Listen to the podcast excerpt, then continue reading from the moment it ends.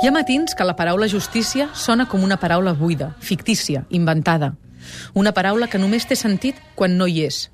Vuit lletres que podrien moure muntanyes i, en canvi, sovint són només grans de sorra que s'amaguen sota les catifes del benestar i la complaença. Però també hi ha matins que sé que els drets humans un dia ja no seran notícia perquè no seran novetat. Matins que confio que les llibertats fonamentals seran una obvietat i l'eradicació de la pobresa un objectiu assolit.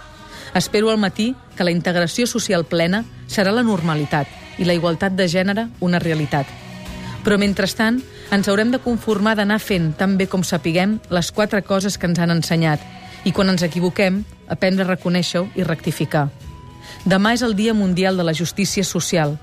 Jo no sé qui ha de fer què, ni qui ha de dir com, quan o per què, però sí que sé que tots, començant per mi, cada dia podem fer alguna cosa justa perquè el món sigui una mica més bo, més sa, més maco. Comencem?